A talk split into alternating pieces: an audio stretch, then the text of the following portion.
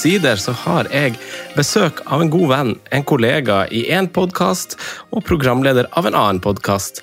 Jeg ønsker deg hjertelig velkommen, Simen. Det er koselig å ha deg på øret, som alltid. Jo, tusen takk for det. Rett fra Sandefjord. Ja, det, det, det blir jo sånn når det er Altså, Kiel eh, Kongsvinger er jo det må jo være det laget i, i, Norge som de siste 20 årene har vært de mest eh, både opprykks- og nedrykksdueller og kvalifikasjoner og, og, og, sånne ting. Da. Så ble det jo en litt sånn rar sesong. Da. Det starta veldig dårlig, og så har det vært en helt voldsom høst. Mm. Um, som gjorde at det har blitt nå, blitt nå tre, uh, fire bortematcher uh, mm. til nå. Uh, Riktignok bare sett tre av de på, på, på stadion, men uh, det var gøy. Det var uh, veldig bra i forhold til logistikken at det ble Sandefjord og Kristiansund. Og så i sånn etterkant så um, håpa vi jo, eller vi trodde jo at det skulle bli, eh, være større sannsynligheter også sportslig mot, mot Sandefjord, men nå ser det jo ekstremt tøft ut da, etter å ha sluppet inn uh, fire i, i går kveld.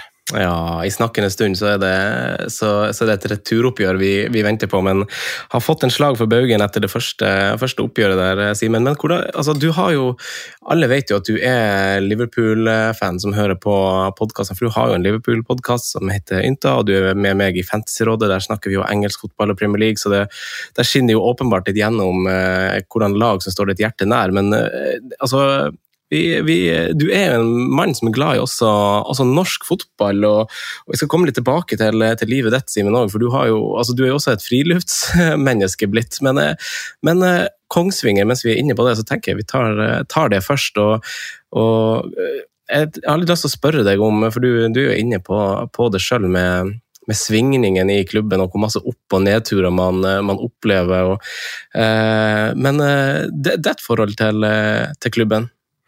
Altså det er jo Jeg har jo på en måte alltid som du sier, liksom hatt et tett forhold til Liverpool, og jeg føler meg på en måte kanskje like mye Liverpool-supporter som jeg er på en måte Kongsvinger-supporter. Men når man er fra Norge og, og, den tingen der Vi liker jo Vi er litt sånn motstridende, vet jeg. Vi har prata mye om det der med at man ikke kan føle tilhørighet til engelsk klubb eller tysk klubb eller hva det skulle være. Vi føler jo helst ikke motsatt, og det er fullt lov, og at det er mm. helt greit. Ehm, men hvis man snur på det også, så er jo på en måte Kongsvinger for min del da, er jo på en måte det eneste som er ekte. Jeg er jo derfra, jeg har vokst opp med det. Eh, jeg har bodd med min mor ehm, de første 18 år, 19 åra av mitt liv, og hun har vært veldig flink til å, til å dra meg med på matcher. ikke sant? Jeg har, ja, altså, bortekamper i, med, med Kongsvinger jeg har vært i alt fra Skjetten til, eh, til Lillestrøm til, til Tromsdalen borte, til flere ganger på Lerkendal. Har du vært til Tromsdalen borte? Jeg har vært på Tromsdalen borte, da var vi fem bortsupportere. um, så det er nok det, det er Lagde god lyd da? Hæ?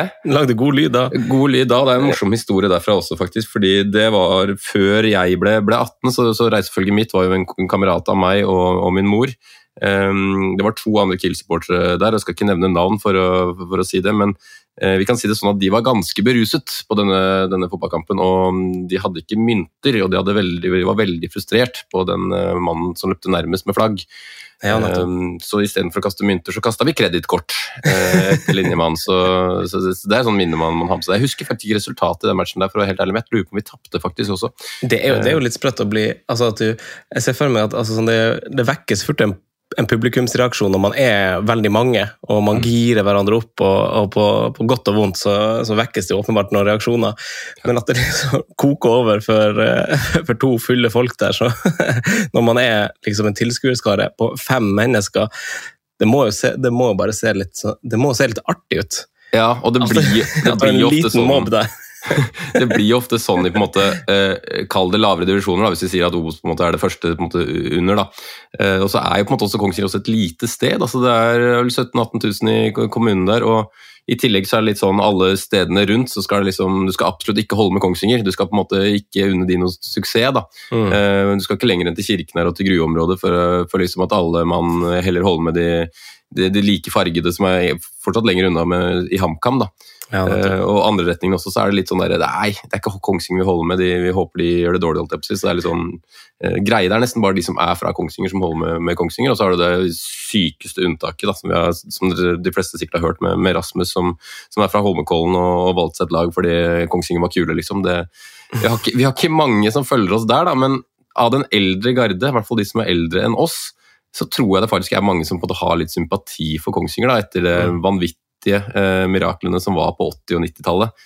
med, med 17 strake år i Eliteserien, eh, så å si dømt ned hvert eneste år. Og det, det er liksom det tristeste, føler jeg, for, for min del, at jeg ikke fikk vært en del av, av mye av det. Eh, jeg mm. husker jo, eh, og jeg nevnte jo at jeg var jo på Lerkendal, og jeg var jo på Lerkendal på helt på slutten av 90-tallet. Jeg husker ikke hvilken sesong, var fem-seks år eller noe sånt.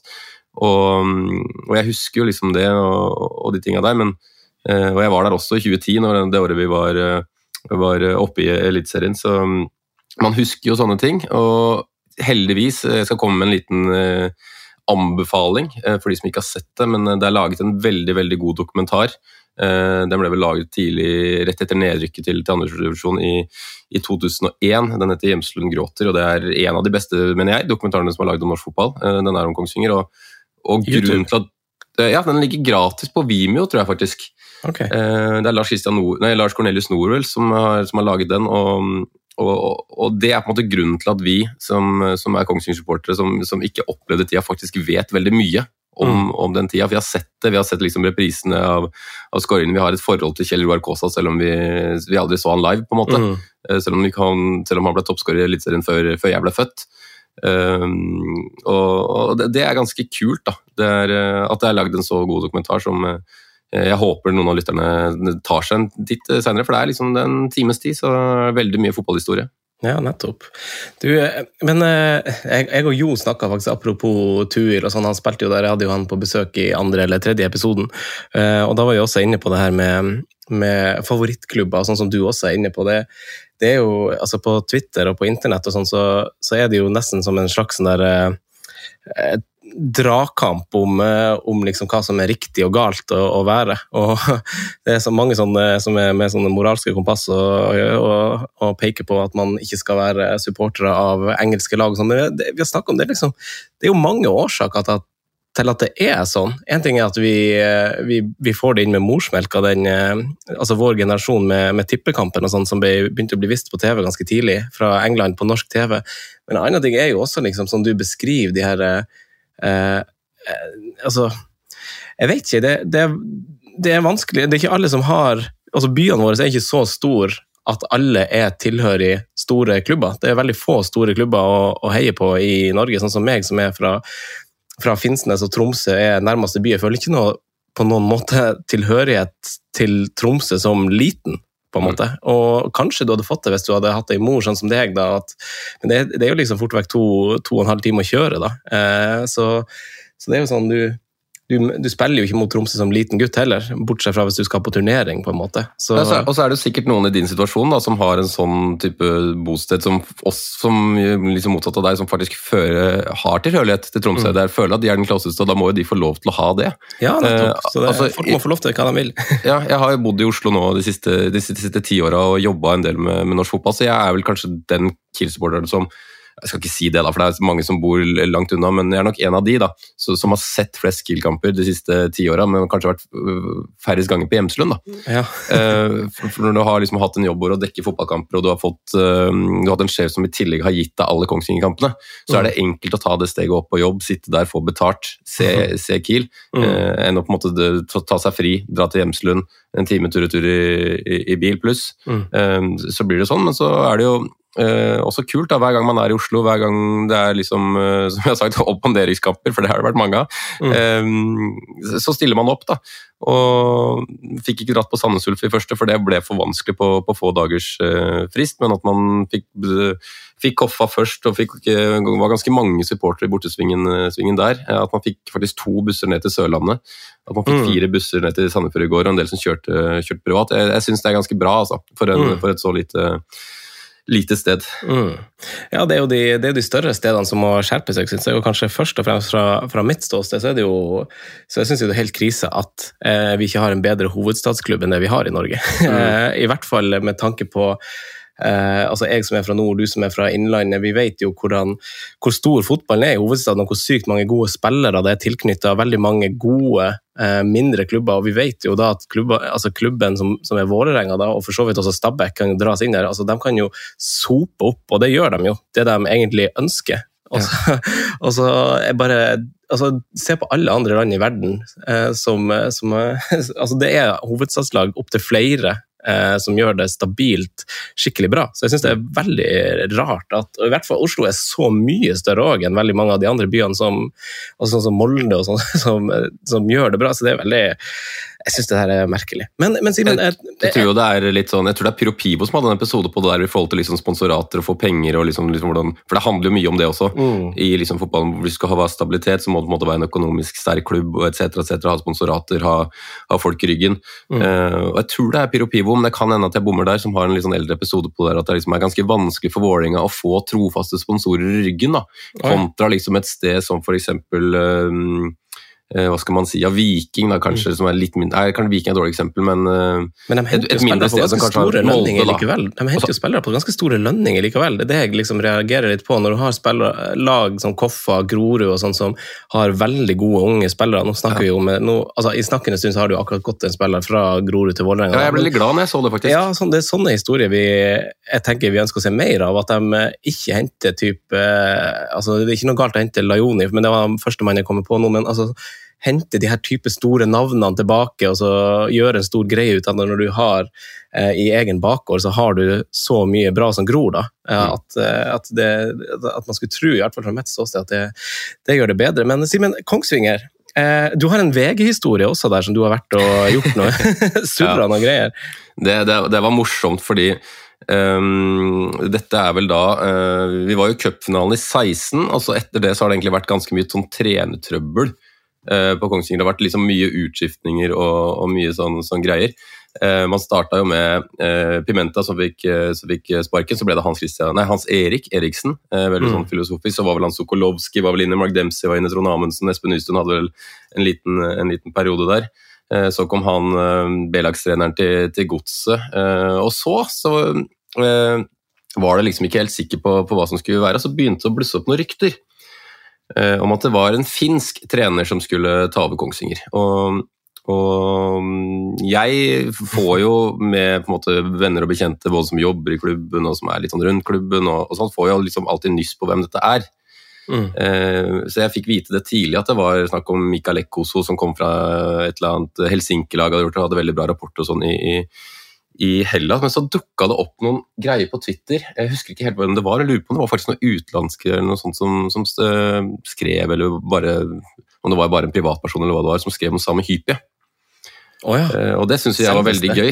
Uh, så jeg, selv om jeg visste at det var Mikael Ekkoso som, som, ble trener, så fyrte jeg litt opp under dette på Twitter, at det var et sjukt kult med Sami og, og, og, den greia der. da.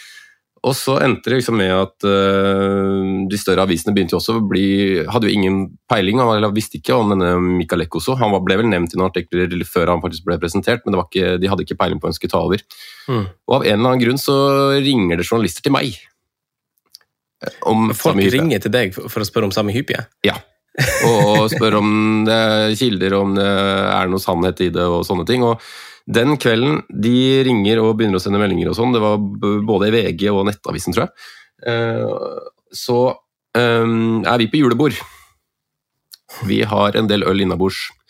Eh, så et par kamerater av meg endrer litt sånn på LinkedIn sin og sånn, så de liksom står i, står i klubben. Jeg refererer jo selvsagt til hva jeg har hørt, eh, som jeg ikke har hørt, eh, om, om, denne samme hype, og at det liksom skal være klart. Eh, hvis du trenger noen bekreftelser eller noe fra klubben, så kan du bare ringe en, en kamerat av meg.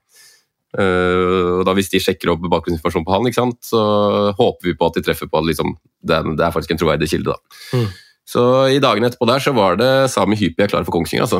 I, i nyhetsbildet. Uh, og det, det, det, på grunn av dine utsagn på, på, på julebord uh, fyllekule? Ja, der hadde vi det veldig veldig gøy, altså. Uh, når det kom noe. Også, I tillegg så hadde vi jo noen som, som jobbet som journalister. og Eh, holdt seg tause og så litt i loggene og sånn også. Det var, jo, det var, jo, saker som var klare til å publiseres mm. uh, i tillegg, da. Så, og da sto det vel noe sånt som det pleier å stå, uh, sier kilde til avisene, da. Ja, riktig. Så du ble hemmeligholdt? Uh... ble hemmeligholdt. ja, riktig. jeg lurer på om jeg faktisk spurte om det òg, for jeg ville ikke ha det greier. At, Nei, det er gøy. Ikke bruke navnet mitt. Så, så det hadde det gøy, altså.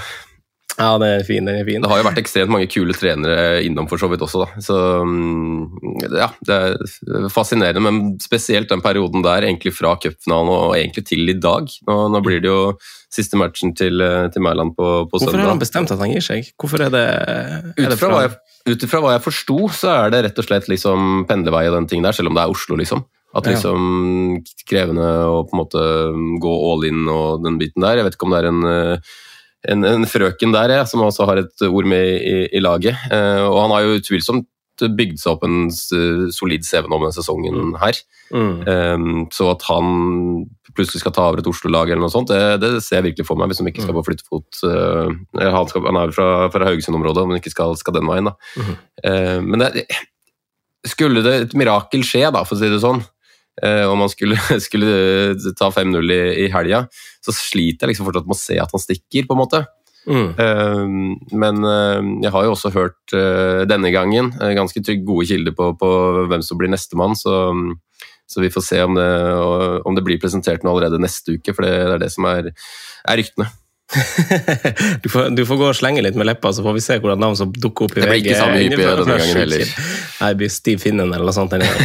Eh, du, jeg, jeg, hvis- jeg hadde lyst til å få en litt sånn ABC i fluefiske hos deg, men uh, her kokte tida ut i prat om norsk fotball, og det er kanskje enda bedre, for fluefiske er jeg veldig blå på, så, så det, hadde vært en, uh, hadde vært en læringssession for meg, Simen. Men, uh, men eh, vi, vi skal videre, for du skal eh, Altså, vi, skal, vi går jo inn i et mesterskap nå som, eh, som er veldig kleint å følge nå fra sidelinja uten, å, uten at jeg starta engang. Så eh, jeg, eh, vi er jo i boikottland med våre podkaster, Simen, men jeg kommer til å se liksom typ åpninga, for jeg er veldig spent på liksom hvordan stemninga er, altså hvordan det er i gaten, og greia, liksom. Jeg må bare playe nysgjerrigheten min med det.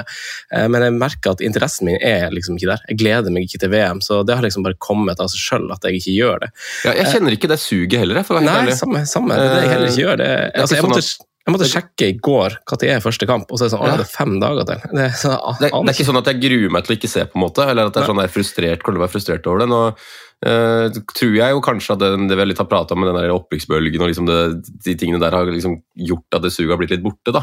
Mm. Men uh, nei, jeg kjenner det som deg, altså, jeg kjenner ikke noe sånn uh, behov heller for å ha et mesterskap nå. Nei, samme. Men uansett, Simen, så velger vi å gjøre en mesterskapsepisode av det her. Og du skal dele noen minner fra noen mesterskap, og har egentlig Altså, du har avslørt eh, eh, hvilke mesterskap du har tatt deg utgangspunkt i, men jeg er allikevel spent på hvordan fire du skal snakke om i topp fire-spalten eh, denne gangen. Eh, og til slutt så skal du også eh, quizzes. Eh, det holdes hemmelig fram til etterpå hva du skal quizzes i, Simen. Eh, men som vanlig så tar jeg innspill. Jeg har fått veldig mange gode innspill på Instagram og på Twitter på, på, på både gjester, men også forslag til ting i spalten og quiz. Og det setter jeg pris på, så vi tar en liten pause nå, og så kommer vi tilbake til Simen sine minner om få strakser. Simen, Mm. Du skal få dele dine mesterskapsminner. Eh, Har du tatt det kronologisk i eh, topp fire-spalten? Ja, jeg, jeg gjør det. eh, fordi at tre av de er liksom Det er litt sånn rart når du noen ganger synes jeg, at du liksom skal ha fire minner. Jeg føler liksom tre-fem er liksom en naturlig tall, men det, ble, ble fire denne gangen, da. Um, Du, det- vært Du, det, eh, altså, da jeg lagde den, jeg skal bare, Sorry for at jeg avbrøt, men jeg skal bare ta forklaringa på det. For denne spalten er jo fast av uh, podkasten, Topp Mm. fire-spalten. Og så løses den litt uh, ut ifra hvordan gjest jeg har. Men, uh, men altså, det altså podkasten, da jeg starta den, så skulle den jo ha en slags link til, og har jo egentlig for så vidt også det, til Premier League og sånn. Eh, så jeg følte, altså Fire er mitt favorittall med Fabregas og sånn, og det er mitt favorittall. og så er det de fire Champions League-plassene. Så det skulle, skulle liksom være en sånn lystbetont, uh, fin greie. Og så kunne ikke hete topp tre pga. Mats og Rasmus sin, sin podkast, følte jeg. Så jeg måtte bare finne på, finne på noe nytt. Så der har uh, du forklaringa på det. Men uh, as you were, my friend. Ja, for det, for det var litt sånn at det var jo tre minner som jeg på en måte dukka som jeg kommer til senere, som, som på en måte er de tre jeg på en måte øh, føler meg føler seg mest riktig å dele. da. Så er jeg veldig usikker på liksom hva jeg skulle velge som, som fire. For jeg, det jeg prøvde å lage en liten vri på det, at liksom minnene mine er øh, Det er fra fire forskjellige lag man på en måte har blitt glad i. Mm. Um, så man har på en måte for det blir ofte litt sånn med landslagsfotball, spesielt når Norge ikke har vært uh, egentlig uh, kvalifisert, i hvert fall i sånn vår levealder, da, på en måte. Mm. Ehm, så eh, blir man jo glad i andre lag i løpet av mesterskapet. Det er ikke alltid det nødvendigvis at du velger det på forhånd heller. At man blir liksom forelska i løpet av mesterskapet. Jeg er helt enig, jeg kjenner meg veldig igjen. Det er jo alltid en sånn, Man får en sånn kjæledegge. Altså du, Norge har ikke vært på veldig lenge, men du får deg jo det der Altså, Du har deg jo et forhåndsbestemt lag, om det er England for vår del, eller om det er Italia eller Frankrike, eller hvor klubben din har mange spillere involvert. Det kan være liksom veldig tilfeldig. Ja. Eh, men eh, jeg er helt enig med deg. Ofte så dannes det en sånn naturlig eh, et sånn naturlig lag som du bare sånn åh, du bare unner dem alt godt i dette Mm. mesterskapet. Så, så, så på punkt fire er det eneste på en måte, et lag jeg på en måte egentlig ikke har kjempestor sånn derre ser tilbake på som lag. og Jeg vurderte, og det var sånn fram og tilbake på hva jeg skulle velge også. Hvordan mesterskap er det? Jeg endte faktisk på 2014 til slutt. Ja, Um, og jeg endte på, på historien om Tyskland, faktisk. Okay. Uh, for det var egentlig Det sto egentlig mellom den og Spanias 08-10-generasjon. Uh, om man da skulle ta Fernando Torres sin på en måte chip der, eller Mm. uh, Men jeg endte faktisk på Tyskland, eh, som på en måte var en sånn enorm maktdemonstrasjon. Eh, av- Under hele mesterskapet. ja, egentlig. Eh, og, og, og det er spesielt uh, egentlig uh, kampen mot Brasil som jeg på en måte sikter til.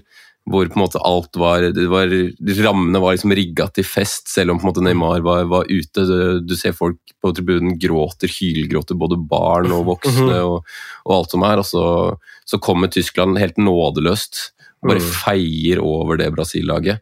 Eh, med Tony Cross der, som var helt fantastisk.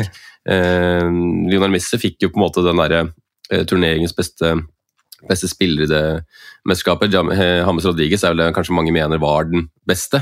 Ja, det var Eh, det, men det var- med, ja. Ja, men det var noen tyskere der også som var, eh, var fantastisk. Müller, eh, Tony Kroos.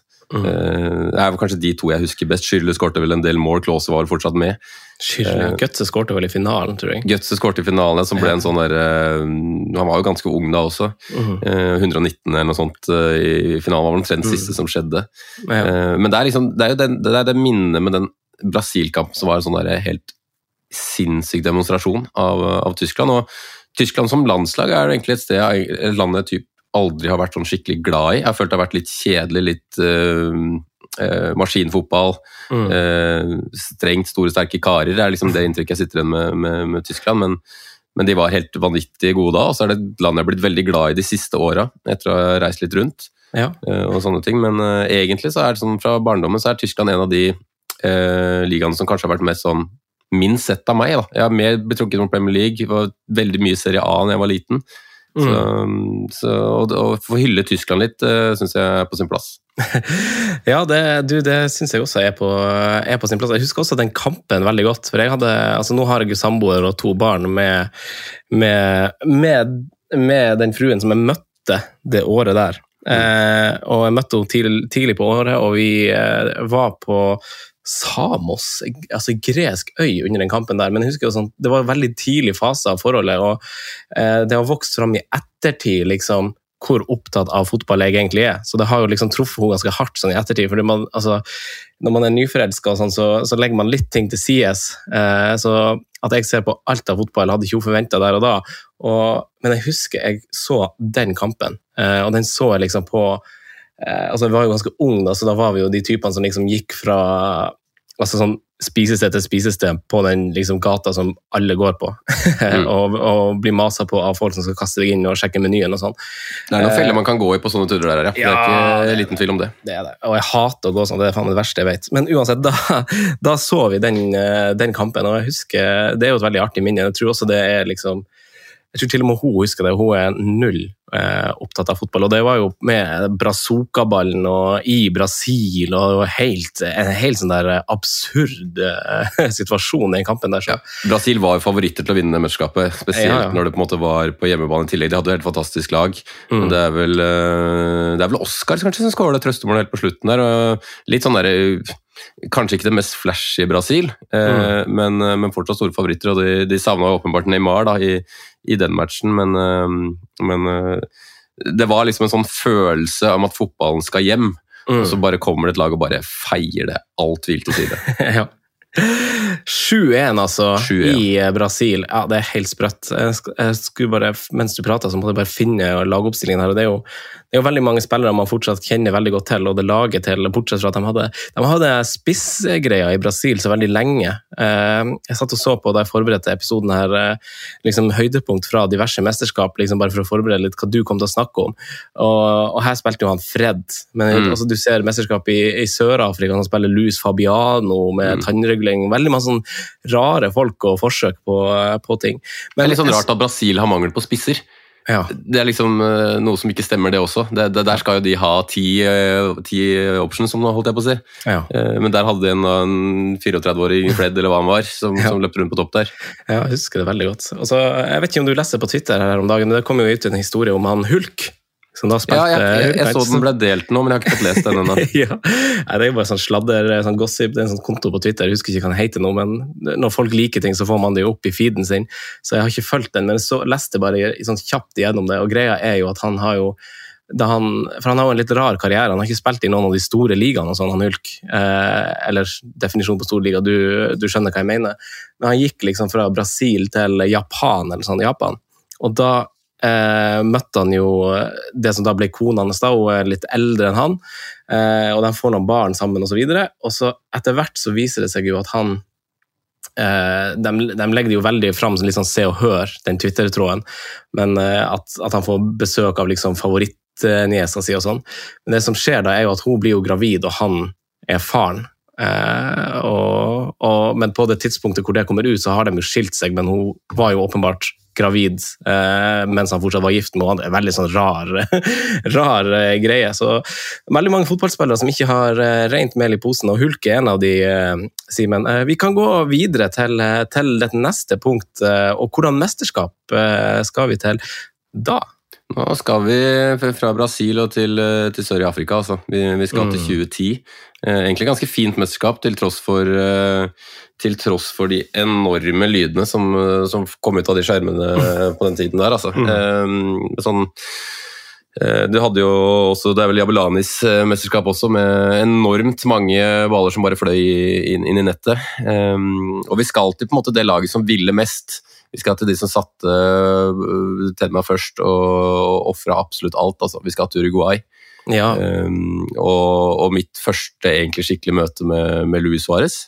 Mm. Um, som på en måte man har fulgt i, i, i godt og vondt. og er, er, fortsatt den fotballspilleren jeg har sett live som, er den, uh, som jeg antageligvis kommer til å sitte igjen på når jeg er uh, pensjonist og si at det er den beste fotballspilleren jeg har sett, fotball, jeg har sett noen gang. Mm. Uh, for det er um, et eller annet magisk over, over han, og, og, og, faktisk i det mesterskapet der så var jo han litt sånn andre fiolin også, for det var en en godeste Forlan som uh, var helt uh, spinnvill. Han ble vel også kåra til turneringens beste fotballspiller, tror jeg.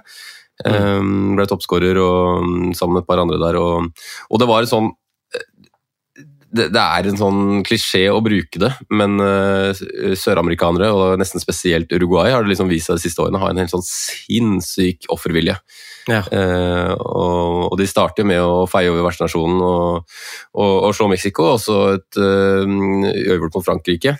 Eh, ganske liksom intens gruppe, og det var liksom ikke sånn åpenbart at de skulle videre, selv om de på en måte var nok favoritter til å bli, gå videre i den gruppa der.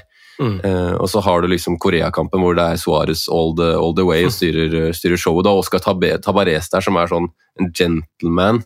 Uh, som er liksom ganske sånn pragmatisk type, samtidig som han hadde faktisk nå for kanskje en, omtrent første gang en skikkelig mannskap. da, uh, med Uruguay. Når vi liksom prater Kavani, Forlan, uh, Lodeiro var vel med inn, litt inn i miks der. Og, Solid å huske han. Ja, han kom litt inn, han. Eh, når de trengte det. Han fikk jo også Var det Demerskap han fikk rødt kort, eller blande med, med senere.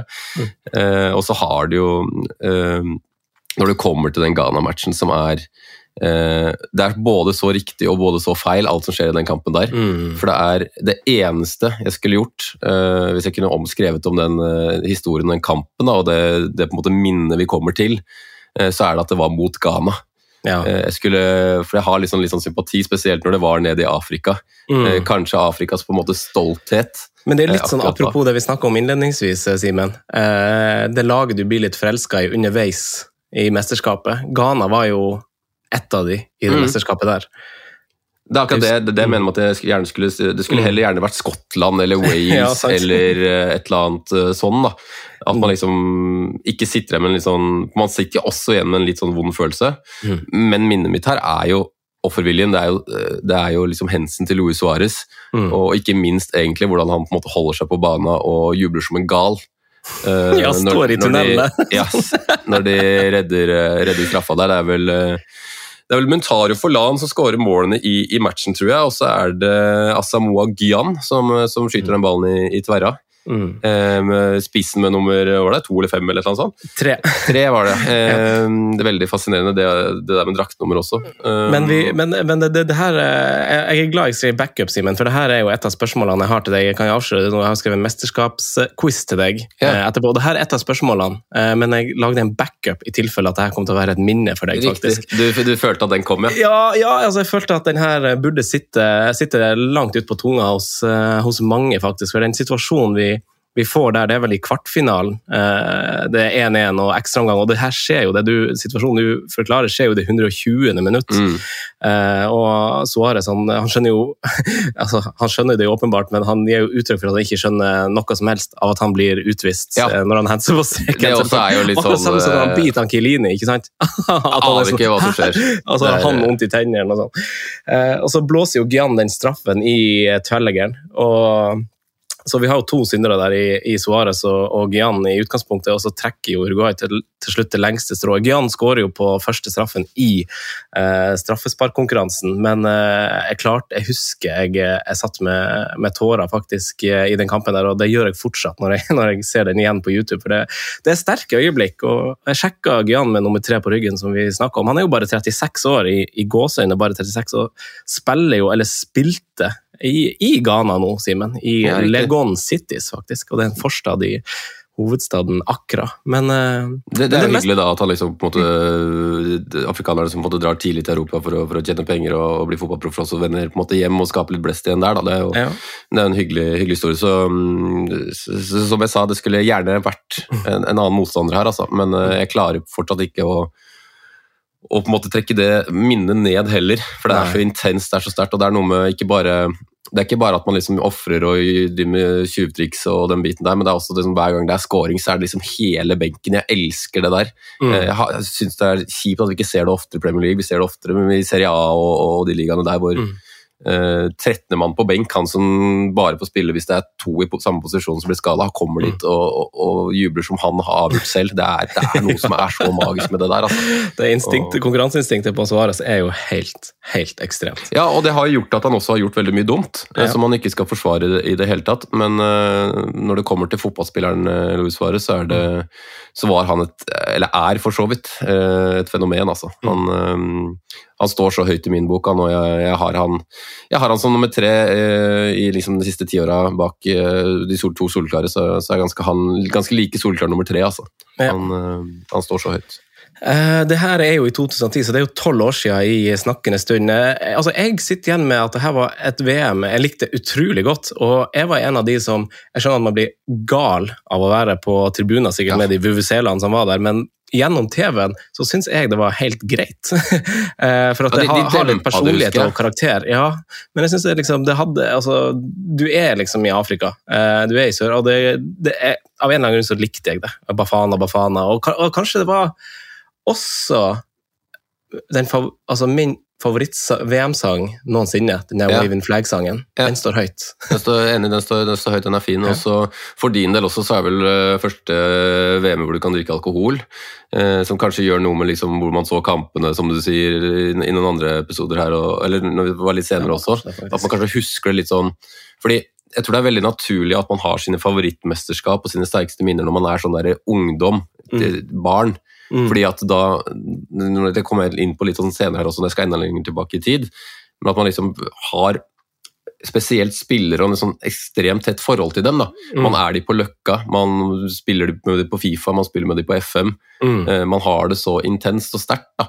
Så Mm. nærme. Når man blir eldre, og sånne ting, så blir det andre prioriteringer i livet, og man har kanskje de samme forholdene til spillere, annet enn kanskje sitt eget favorittlag, Mm. for eksempel, da. Så, de står liksom sterkt. Og jeg husker også det var, det var trist når, når Uruguay røyk i, i semi mot Nederland der. Det er vel en helt sinnssyk goal av uh, van Bronckhorst, blant annet, tror jeg.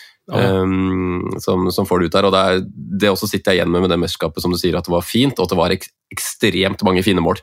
Ja. Uh, den ballen var mye fram og tilbake diskutert, uh, egentlig fra 2006, når den, liksom, de nye putene og den der kom.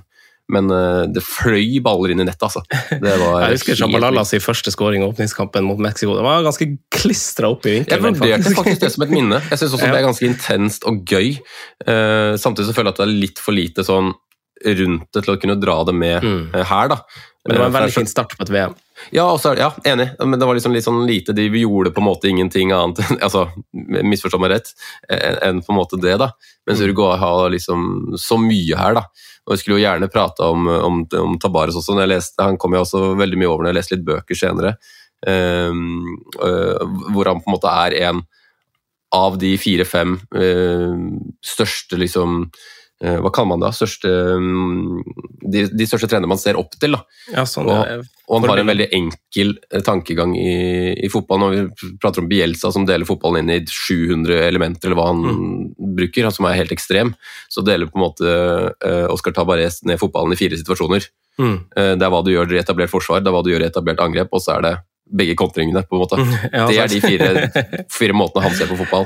Det er så enkelt, liksom. Elementært. Litt sånn i Rema 1000-ånd. Ja. Eh, vi, vi, kan bevege oss selv. Skal vi langt tilbake i tid på det, på dette nummer to på lista, eller? Vi skal i hvert fall på det første intense på en måte, mesterskapet og minnet jeg, husker, og vi skal til uh, en, en, story hvor jeg gjerne uh, skulle skrevet historien på nytt. Okay. Uh, jeg gjerne skulle skrevet historien på nytt, for jeg er glad i når underdogs vinner. Okay, for, for 2004? Eh, vi skal til 2004, ja. eh, men vi skal ikke til Hellas. Nei. For det er, eh, som, som, jeg prøvde her på nå, det er liksom Jeg er veldig glad i når underdogs lykkes. Jeg syns det var veldig gøy når Leicester klarte det Premier League, som på en måte er det største miraklet som på en måte har, har skjedd, i hvert fall i klubbfotball. Eh, så tror jeg skal vi skal til det største eh, sjokket på en måte sånn eh, når liksom Hellas vinner i forhold til landslagsfotball. At de vinner Om vi ikke skal dra med seg Zambia i, i Afrikamesterskapet eller noe sånt, da. Men men vi skal faktisk til Tsjekkia. Mm. Eh, og et helt fantastisk lag i 2004. og Der prater du litt om Du nevnte jo i stad at man kanskje har en spiller eller to på sitt lag og sånne ting. Lippel hadde jo Smitzer og, og Baros, mm. som gjør at man liksom um, vet litt om de og sånn når man går inn i, i, i, mesterskap. Og man visste jo også at Nedved vant gullballen året før. Mm. Uh, og de hadde en keeper der som kanskje var verdens beste på den tida der, så det var jo et lag å regne med. Mm. Men uh, det intense, intense, minnet der er når de snur kampen mot Nederland. De ja. ligger under 2-0. Uh, Jan Koller, Baros på topp. Det er litt sånn Hesky Owen-ish. Det er uh, Roshiski, du har Nedved, som er på en måte den store, store, store stjerna. Mm. Um, og så er det faktisk et trist minne, men det, det, jeg sitter igjen med, er jo at um, skaden til Nedved mot um, mot Hellas er det som gjorde at Tsjekkia ikke vant det mesterskapet. Eh, for det er ganske overbevist om at jeg hadde gjort. Eh, så det eh, jeg vil gjøre den gangen det er mulig å reise i tid, det er å sørge for at han ikke ble skada i den kampen der. Hvordan skal du gjøre det? Nei, Det var det, da. Det må vel noe teknologi til. Men å få fjerna den skaden her, så han får spilt og få avgjort den kampen mot Hellas og komme seg til finalen. Nei, det, det, er fin, eh, et fint uh, minne, Simen. Jeg husker også det, det, laget der veldig godt. Og vi vet jo vi, vi, som husker det, husker jo at eh, Hellas vant jo over vertsnasjonen, da, Portugal. 1-0 på 1-0-seier uh, på rekke og rad i 2004. 1-0-seier fire kamper på rad, tror jeg, kanskje fem til og med. Mm. Og de vinner vel selvfølgelig da også 1-0 i finalen. Eh, Caristeas skårer målet, og Ronaldo i tårer ved, ved fløytesignalet der. Så eh, veldig Otto Reagel, trener, eller? Otto Reagel, ja. Han ble vel, Ringreir har blitt brukt ganske mange ganger om han, men det er vel for så vidt ganske riktig også. Mm. Eh, veldig sånn fascinerende historie, det også. Men, men, men, jeg klarer ikke å like den. altså. Jeg sliter fortsatt ennå med å like at de, at de vant det mesterskapet. Mm. Jeg har en skikkelig vond, vond følelse på for det. For den var ikke noe sånn der eh, de var ikke sånn som Tsjekkia, da. de, Nei, de var jo de, Det, det var, liksom motsatt uh, inngangsvinkel til kampene som man uh, på en måte ikke vil se.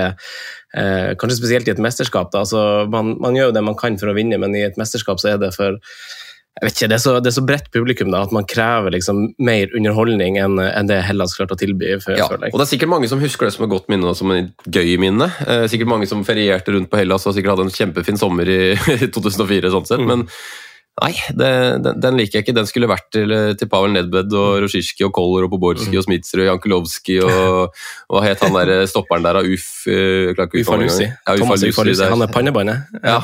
ja. Han uh, spilte vel i Bundesliga eller noe sånt på, på, på, den tiden der. Galasjek, ja.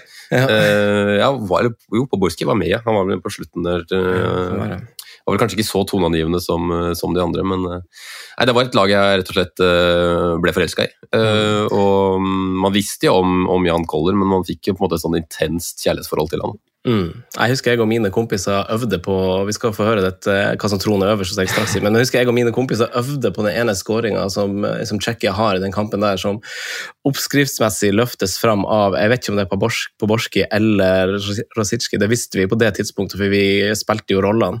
Løfte opp eh, på Brystet ned. Ja, brystet ned til Barer som banker i mål. Det gjorde vi gang etter gang. På, på, jeg tror faktisk vi gjorde det i bingen, men også på, på filbanen, som vi kaller det. Men øverst eh, Simen. Nummer uno, numero uno. Hva er dette favorittminnet, eller minnet du har valgt å trekke fram i dag? Jeg, jeg, jeg, tror, jeg, tror, ikke det er noen overraskelse på, for en gutt som er født i 93, at, at det er 2006 vi skal til. altså. Mm. Uh, litt sånn samme greie som med, med Tsjekkia, at man hadde liksom intense forhold og, og sånne ting. Uh, selv om jeg har vært Liverpool-supporter og, og, den tingen der, så er uh, Fra barndommen min så er Totti den største, altså. Mm. Totti, ja. Største favorittspilleren min, på en måte. Jeg har var veldig glad i Ronaldinho uh, mm. fordi han elska fotball. Uh, mm. Fordi det var så gøy å se Ronaldinho. Jeg har vært ekstremt glad i den der overlegenheten, elegansen, drittsekkgreiene til, til Totti. Mm. og dette var jo på en måte et sånt 2006-Italia skulle jo egentlig bygges rundt Totti. Mm. Og det var han som liksom skulle være den store stjerna og, og sånne ting, men, men, det ble på en måte ikke hans mesterskap selv om Italia vant. Og, og, det er jo på en måte det er så, så usannsynlige på en måte eh, kulthelter som ble danna i det Italia-laget i 2006. Fordi det har jo den som på en måte de fleste trekker fram, eh, og som blir på en måte det intense minnet vi skal til, mm. er jo åpenbart nedskallinga til Zidane på, på Marco Materazzi i finalen. Mm. Eh, men Materazzi skulle jo ikke spille. Altså, Nesta jo, fikk jo aldri spilt noe mesterskap, for han ble jo skada i, i, i alle mesterskap, eller på vei til mesterskap. Han blir jo skada i gruppespillet, gruppespillet, og da snur jo på en måte helt. fordi fra eh, Nesta sin, eh, sin, skade og utmesterskapet, så er Materazzi i alle syke situasjoner. Han skårer to mål, bl.a. i finalen. Han skårer et annet et også. Han har blitt utvist. Eh, det er så mye sirkus rundt Marco Materazzi. Han slenger dritt i Zidane, som eh, man eh, fikk, fikk, høre om var noen, noen, noen, mor og datter som var horer og ditt og hvert. men Eh, det, det, er så intenst, da. Også liksom eh, semifinalen der mot, mot, Frankrike, er det vel, hvor, hvor de skårer to mål helt, helt på slutten i andre gang Og det er litt sånn samme greia som Uruguay også, den derre mentaliteten da. Søramerikanere har det, og Italia har det. De, de, kan feire med stil, altså. De kan juble, og det, det ser elegant ut. Og, det er jo annet straffa til, til Totti også. Hvem er det mot igjen? Er det Eh, om det var Australia, er det det? Hvor de ligger under med, eh, med eller én mann under og, og, ligger egentlig bare og venter på, på ekstraomgangen og skal, skal, dra de land der, så får straffe helt på slutten og bare kliner den i krysset. Ja, de skårer jo på samtlige straffer faktisk i den straffekonkurransen mot Frankrike i den finalen. Og ja. eh, mannen som i, eh, i, eh, i, EM 2000 avgjorde mot samme lag, men motsatt vei, da, David Trezeguet mm. er jo den som blir syndebukken. Han skårte jo i 2000 på det som ble brukt av golden goal på overtid og sikra Frankrike seieren. Men, eh, men, her blir han eh, derimot syndebukk som eneste, eneste, spiller som bommer på, bommer på straffe. Ja, Den ble vel vurdert, den også, men jeg føler ikke like stor tilhørighet til det mesterskapet som jeg gjort i 2006. Da. Det var egentlig ja. grunnen. At jeg føler at jeg har mer tilknytning til de andre mesterskapene sånn i, i helhet, selv om jeg på en måte husker det også som et minne. Mm. Som en intens uh, greie. for det og det som var med liksom Italia 2006 også, var litt mer sånn posisjonen de hadde. Det var et, et år, halvannet år tidligere så kom det fram denne skandalen med Juventus og Fiorentina. Uh, hvor man hadde kjøpt dommere og, og, ja. og sørga for at uh, mot, de som skulle møte Juventus i neste kamp, fikk masse gule kort. At Fiorentina prøvde å unngå nedrykk der, og, og, og, troa på et italiensk gull i 2006 var ganske lav, selv om det er et, for oss som ser tilbake, et helt fantastisk landslag. da det var liksom så mye styr rundt og, og sånne ting. Og så har du eh, Sacardo som lager noe selvmål og får noe røde kort, som, eh, som spilte egentlig bare pga. at Zambrotta ikke var klar, og du har Materazzi der, og du har Fabio Grosso som skårer de viktige målene der. Er av, Veldig tilfeldig. ja, som han har vel sagt det hele tiden at han, eh, han ser jo ikke på mål da han, han svinger den inn mot, uh, mot Frankrike der. og og, og, sa vel egentlig bare det at han ut fra hvor han var, så skjønte han sånn cirka hvor målet sto. og da liksom feier inn, Det er jo en helt fantastisk sånn lang episode med, med Niva om det, om, det, om det, laget og det mesterskapet der. og de, Om Sacardo som var helt nede, som de tok med seg på restaurant. og Det er masse fine, vakre historier. altså. Det er, det er veldig, veldig bra minne. og Glad du får name-droppa Totti også. som eh, Det må være ganske konge å være Totti i, i, i Roma, selv om det er den dag i dag. Ja, Det er den første drakta jeg kjøpte meg for egne penger, husker jeg. En Roma-drakt med nummer ti. Kappa-drakt, eller? Ja, ja, ikke sant? Det er sånn fettsittende, de er så vakre, og den, eh, den, den henger nede i kjellerstua hos mor ennå. Altså. Ja, jeg har faktisk også altså Jeg, jeg heier på Lazio. Jeg har jo en Lazio-mail også fra jeg var liten, for, for jeg spilte med Lazio på CM 0102. Franco Lazio. Franco Lazio. Eh, den mailen er ikke i bruk lenger, men, eh, men jeg kjøpte jo også Det, det jeg, ikke, jeg har ikke tenkt på før nå, men det kan jo tolkes veldig feil. På hvordan måte?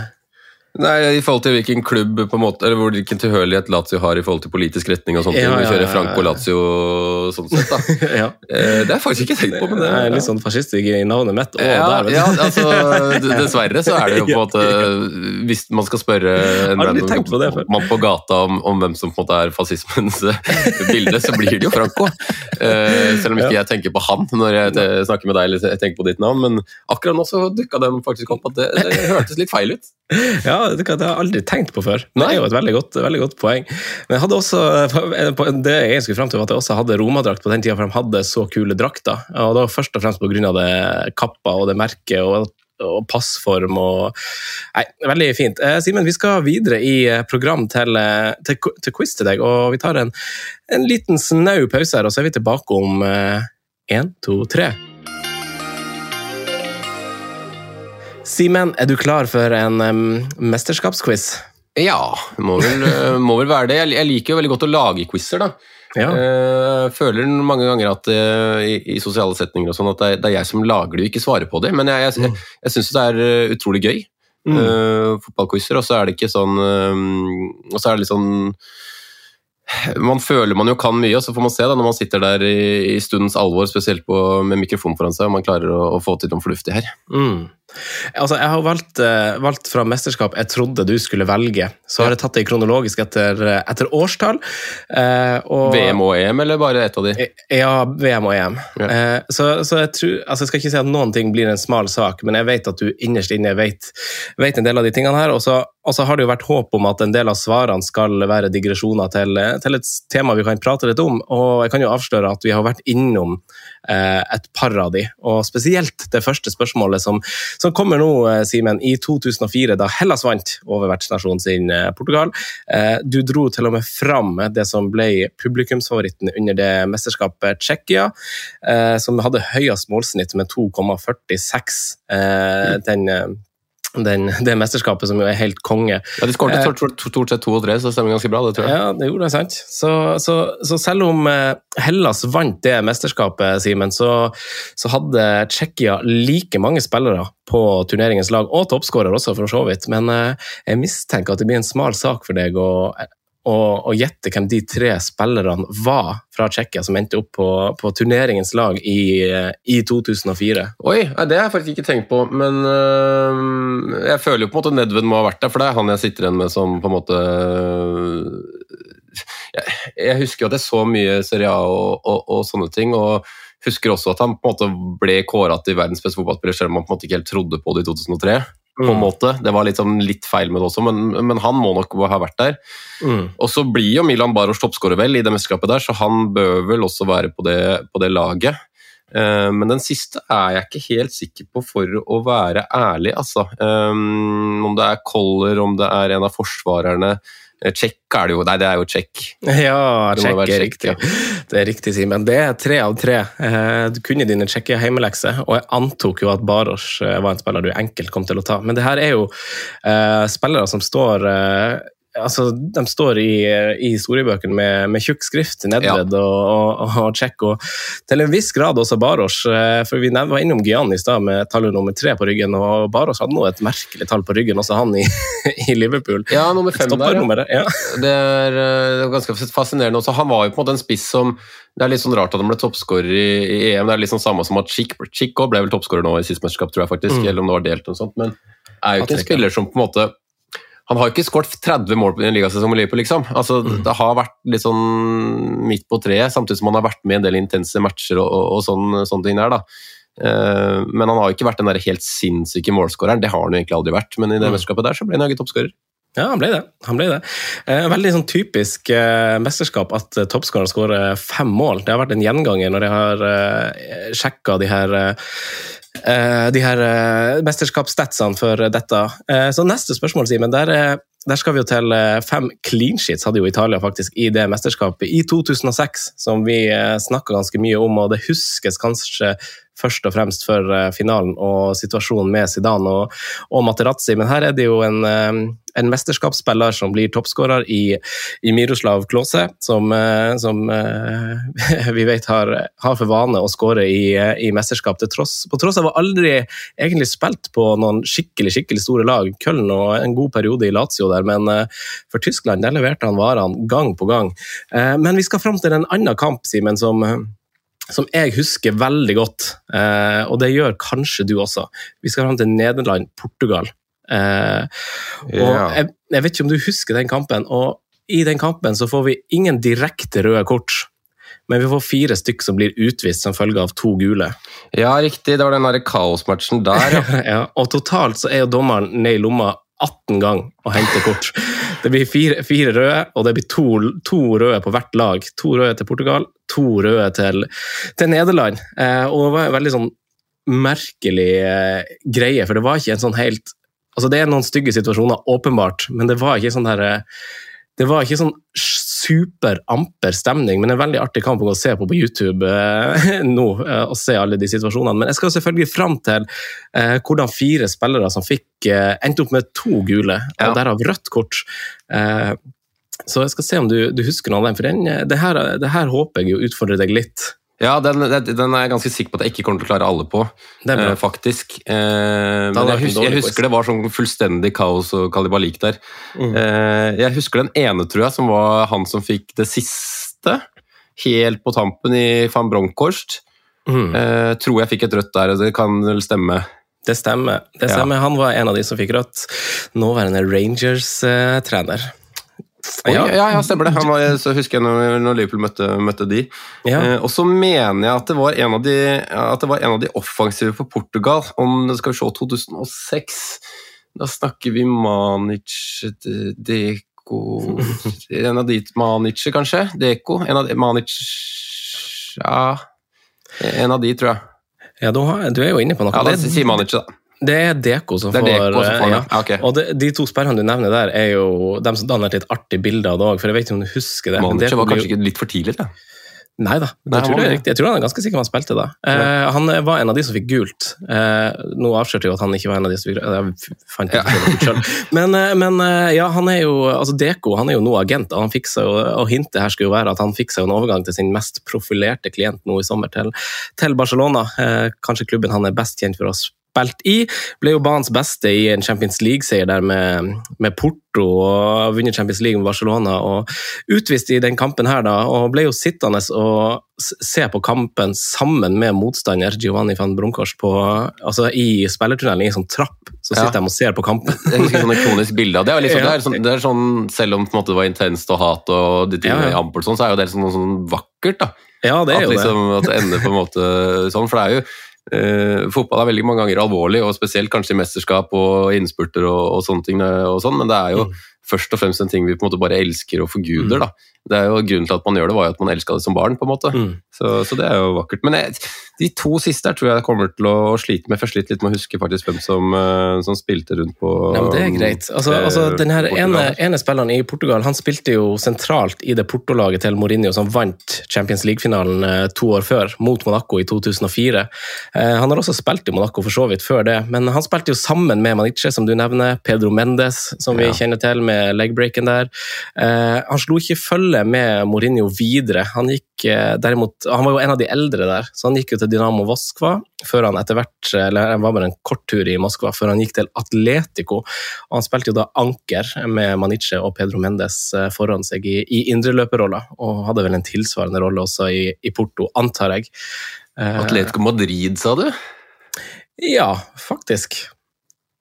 Jeg- tror, jeg han har vel ikke spilt i Porto, men øh, Eller jo Jeg husker han han, Por- jeg, jeg husker han best for Porto. Det er ikke han Tiago, nei. Nei, nei.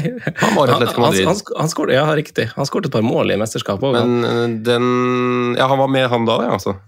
Eh, Men han husker jeg ikke karrieren til sånn ellers, for å være helt ærlig, Tiago. Eh, Nei, jeg tror jeg skal slite Eh, Hvem husker man fra Mourinho sitt, sitt lag? Man husker han spissen fra mm, Han var ikke portugiser. Eh, Anderlei.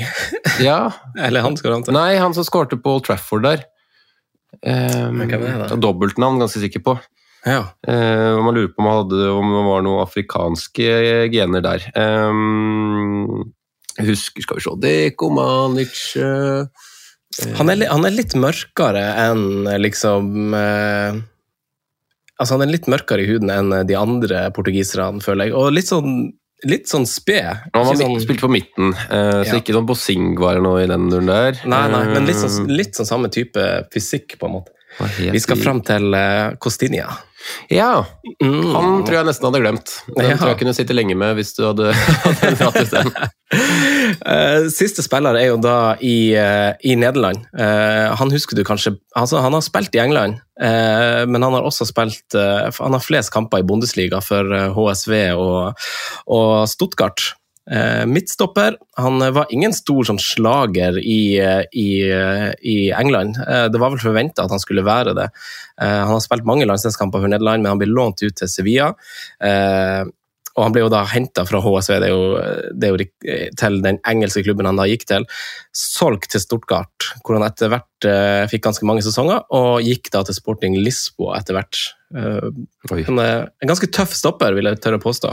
Ja, jeg, jeg, jeg sliter med å komme på stopper i det hele tatt. Jeg for Nelland på den, den tiden. Der snakker vi liksom uh, Heitinga altså Det er i- ikke han, men det er Du er liksom jo, du er jo på riktig, eh, riktig Epoke. tids- Ja, ja, epoke, ja. Uh, og så hadde de hadde jeg nok litt for seint, men jeg hadde han som var i PSV. Uh, husker ikke hva han heter i farta. Og så hadde de De hadde vel han som var innom Valencia, men han er ikke Nei jeg tror ikke den sitter heller, altså. Nei. Det her er jo godeste Khalid Bolarouche, Ja. kannibalen. Ja, for han var ikke akkurat um, Han var ikke akkurat uh, en som kanskje var fast og bærebjelke i det laget der, nei. Ja. Men uh, Nederland har jo veldig ofte, nå, nå de siste årene så har de faktisk fått opp en del gode defensive spillere, men har jo ofte hatt en veldig overload i offensive spillere. Mm. Uh, litt sånn historisk også, selv om man har liksom de gamle, gamle legendene fra, fra lenger tilbake også. Mm. Men uh, det er jo først og fremst offensiv og, og god fotball man, man husker uh, Nederland for. I denne tiden her så er det vel er det vel Robin og Schneider og, og Van de Farte-gutta. Og han ble jo også signert av eh, Chelsea, da, den eh, ikke navngitte engelske klubben, av Mourinho. Oh, ja. Eh, han fikk jo da drakt nummer ni. I Chelsea? Eh, Jepp, som stopper. Eh, det husker ikke jeg at han var der. Nei, det var jo, han spilte 16 kamper eller noe sånt. Ja, Så det var ikke noe For det var er jo den tiden jeg har prata en del om det der før også, men eh, Chelsea er jo på en måte kanskje det laget jeg har sånn inten mest intenst hatforhold til, egentlig. Ja. Fordi alle de der eh, europaoppgjørene rundt den tiden der, egentlig, mm, eh, mot, mot, mot Liverpool. Jeg føler nesten det er sterkere enn en United, selv om man er oppvokst med, med det. Mm. Skikkelig mye intense. Men det, han husker jeg ikke i Chelsea, altså. Nei. Var der en snartur, han. Eh, neste og nest siste, Simen, er jo EM i Sveits og Østerrike i 2008. Spania vinner også her, holdt jeg på å si. Eh, David Villa er toppskårer. Hvem var treneren til Spania i 2008? Det må være Del Bosque. Å nei. Mm, skal vi se Spania 08 Han kom kanskje seinere, han, ja. Han her har eh, Mm. gått bort nå. RIP. Ja, da er det godeste Hva, hva heter han igjen, da? Han Litt, heter liten tur eh, i Fenerbahçe etterpå. eh, Gentleman eh, Ja, Fenerbahçe, stemmer det. Eh, ah, ah, Lu- Lu- Luis Araga, Aragones. Aragones. ja, det, det er riktig, det, Simen. Det er Luis Aragones. Han var jo der i fire-fem år, han, så han var jo der en stund. Eh, Hva du holdt på å kalle ham? Han, hadde han sånn kallenavn som gentleman? Jeg føler at han var veldig gentleman, Ja. bare som type, liksom. Men uh, mulig han ikke hadde Jeg tror ikke han hadde kallenavn på det. Uh, det var i hvert fall ikke det jeg sikta til. Jeg, men uh, jeg, jeg følte han litt sånn som egentlig både han og Del Bosque som, som Mm. gentleman-typer. da. Mm. Uh, litt sånn sindige, rolige, lot de gutta på, på banen banen styre det som skjer, for det var jo helt voldsomme, voldsomme landslag rundt der, altså. Mm. Men ja. Da må nok, eh, jeg må nok ha blanda, for da må nok Del Bosque må ha vært han som tok over, da. Men han, eh, Del Bosque har han to perioder i Spania. Det kan godt være. Jeg føler bare det, men eh, det kan hende jeg tar feil. Eh, men det er veldig bra, Simen. Det er helt riktig. Eh, så skal vi til 2010, og her hadde jo du som minne svaret på det ene spørsmålet mitt. Jeg skulle Ja. fram til de to, spill de to synderne, som jo da er altså Moa Gian og, og Luis Suárez i, i det oppgjøret mellom, mellom Ghana og, og Uruguay i 2010. Eh, men jeg hadde jeg husker begge målskårene i kampen òg. Ja, du sa det i stad, gjorde du ikke det? Eller hva var det? Muntari og Sully Muntari og Diogo Forlan, begge med hver sin eh, slegge der. Ja, sånn, eh, ja, det, var, ja det stemmer, det. Stemmer. Sully Muntari var en litt sånn fascinerende fotballspiller, det òg.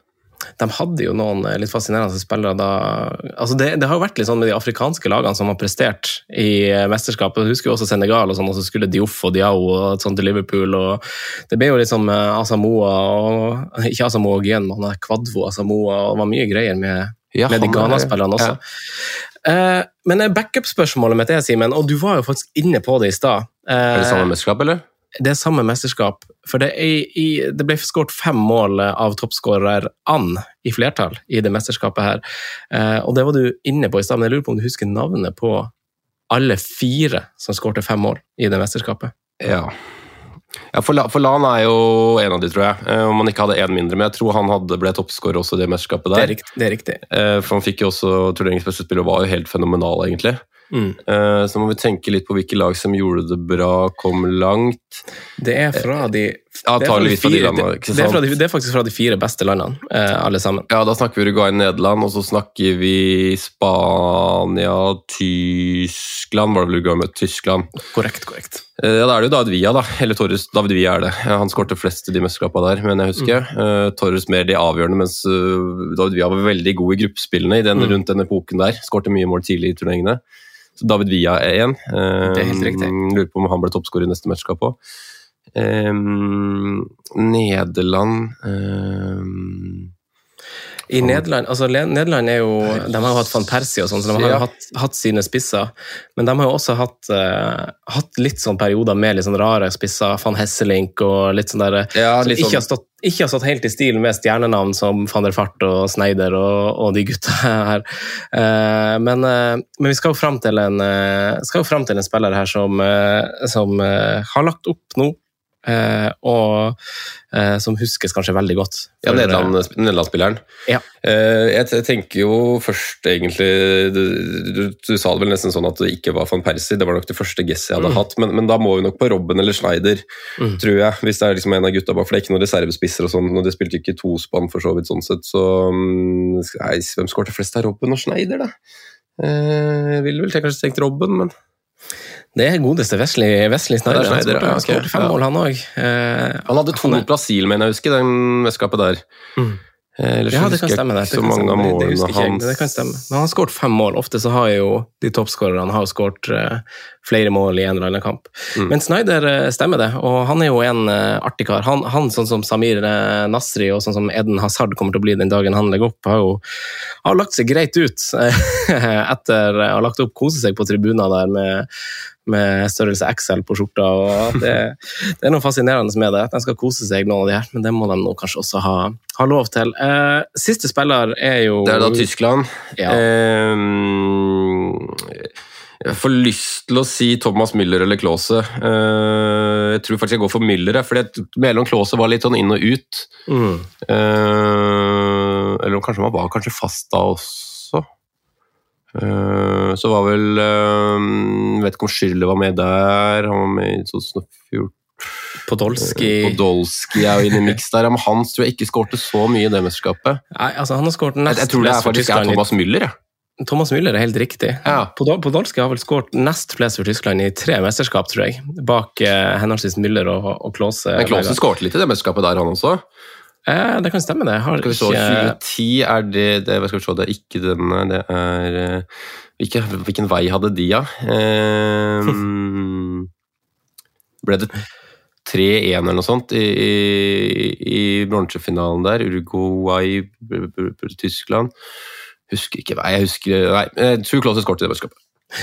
Simen, det har vært veldig koselig å, å mimre om mesterskap med deg når vi står på kanten av et litt skjettent mesterskap og snakker om de her eh, fine minnene vi eh, har, på, på godt og vondt, egentlig. Mm. Så har det satt seg i hjernebarken, og ikke minst koselig å høre, høre lidenskapen om eh, Kongsvinger og diverse. Men jeg Ja. vil bare takke deg for at du eh, poppa innom for en trip down memory lane. Veldig hyggelig. Jeg kjente at jeg skulle gjerne prata enda med Kongsvinger òg, kjente jeg faktisk. Det var, det var veldig mye Og jeg, jeg, som jeg sa tidligere, da, så, så håper jeg faktisk folk tar seg tid til å se, se Jemsen gråte, hvis du likte det du på en måte hørte i, i dag. For det er, det er noen quotes og det er noen minner, og den er nesten enda bedre i dag fordi at den er lagd på en litt sånn humoristisk uh, måte. der når når gamlekaren sitter i sofaen og Hva var det han het, han der eh, italieneren i- Borgio, ja. sant. liksom, ble, ble vel, vant vel også en Ballon år, om det var året etter eller året før de møtte Kiel. der, Det var liksom litt av et uh, stjernegalleri da, som, som Kiel møtte mot Juventus der. Så, ja, så har det jo vært opp- og nedrykk eh, egentlig siden, da, men eh, en så liten klubb, 17 år i Eliteserien, det er jo en eh, fantastisk historie. da. Det er jo det. det, er jo det. Men eh, takk igjen, og så snakkes vi eh, bare sikkert etterpå. Det gjør vi, vet du. Ha det. Ha det.